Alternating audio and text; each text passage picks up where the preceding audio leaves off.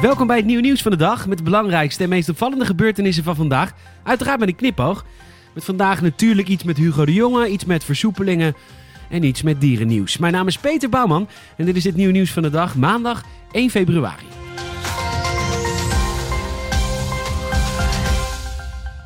We zouden er bijna een dagelijks segmentje van kunnen maken. Minister Hugo de Jonge gaat weer onderzoeken of iets fout is gegaan. Waarom? De vaccinatiecijfers liggen onder vuur nadat er gisteren plotseling 120.000 nieuwe prikken werden toegevoegd aan de tussenstand. Volgens de minister is dat het gevolg van de manier waarop het aantal vaccinaties wordt becijferd.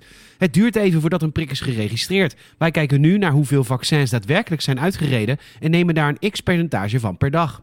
Doordat instellingen de tussenstand pas later doorgeven, zou er sprake zijn van onderrapportage. Het landelijk netwerk acute zorg, LNAZ, spreekt dit tegen. Het netwerk heeft vanaf 6 januari dagelijks de vaccinatiecijfers gerapporteerd, al dus een woordvoerder. Het LNAZ merkt ook op dat het coronadashboard van de Rijksoverheid meldt dat er ongeveer 81.000 prikken zijn gezet in ziekenhuizen, maar volgens het netwerk zelf zijn dat er maar 60.000. Ik ken de LNAZ als een degelijke club, dus we gaan het onderzoeken en mogelijke fouten herstellen. Al dus de jongen nu.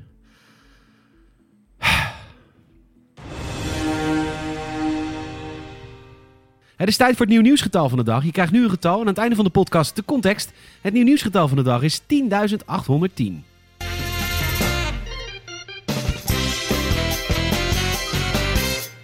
8 februari komt langzaam dichterbij en de coronacijfers worden net zo langzaam iets beter. Wat gaat er straks allemaal versoepeld worden? Nou, waarschijnlijk niet heel veel.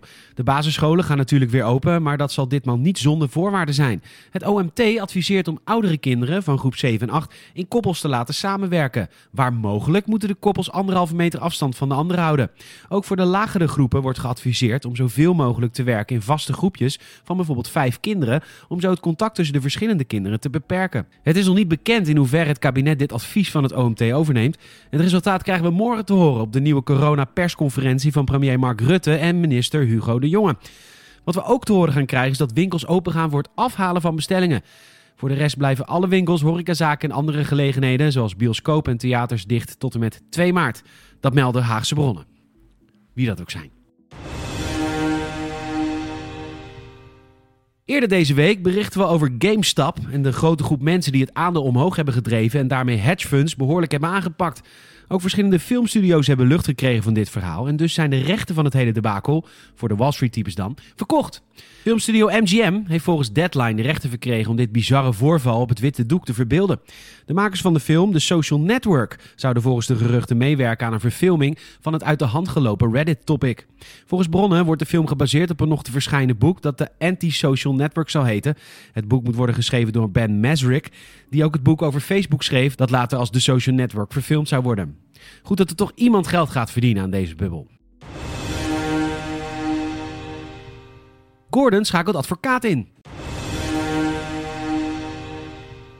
In Australië had een cocker spaniel een iets te avontuurlijke autorit. Het dier wilde op een rotonde even een frisse neus halen en vloog prompt uit het raam van een rijdende auto.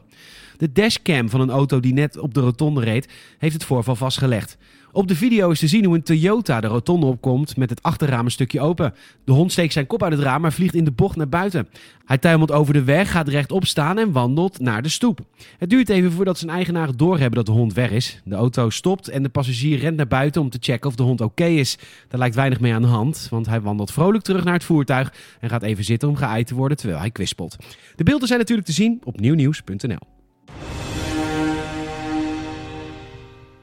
De politie heeft een 21-jarige man uit Emmeloord aangehouden voor het in de fik steken van een GGD-teststraat in Urk. De testfaciliteit ging op 23 januari grotendeels in vlammen op bij de avondklokkenrellen in het dorp. Beelden hiervan werden getoond in het regionale opsporingsprogramma Bureau Flevoland. Het politieonderzoek en de tips na de uitzending leidden naar deze man uit Emmeloord en hij is vanmorgen aangehouden. De boze brandstichter zit vast voor verhoor. Zijn auto is in beslag genomen om bij een mogelijke veroordeling bij te dragen aan vergoeding door de ontstaande schade, dat meldt de politie.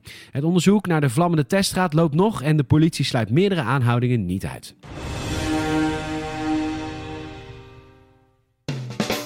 Het nieuwe nieuwsgetal van de dag is 10.810.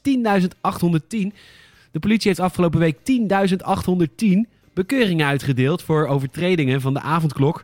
De prenten van 95 euro per stuk waren voor mensen die zich tussen 9 uur en half 5 ochtends zonder geldige reden buiten begaven. De avondklokboetes vormden daarmee het voornaamste deel van het in totaal 12.938 coronaboetes. Bedankt voor het luisteren. Help het nieuw nieuws van de dag te groeien. En vertel een vriend of vriendin over deze podcast. Laat ook even een Apple Podcast review achter.